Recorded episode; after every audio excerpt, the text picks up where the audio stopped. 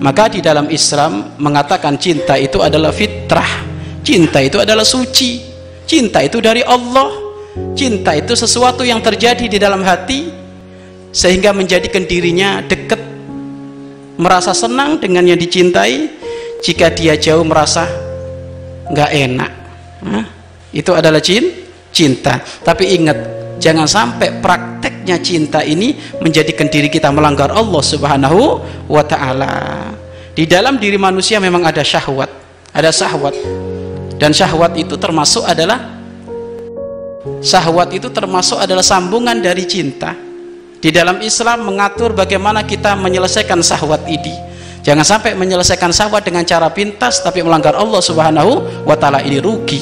Maka tolong wahai para adik-adikku semuanya tidak perlu engkau mencintai siapa pun kecuali sebelum dia menjadi imammu. Kalau dia belum menjadi imammu walaupun gantengnya kayak Arjuna. Arjuna tak? itu tetap genderuwo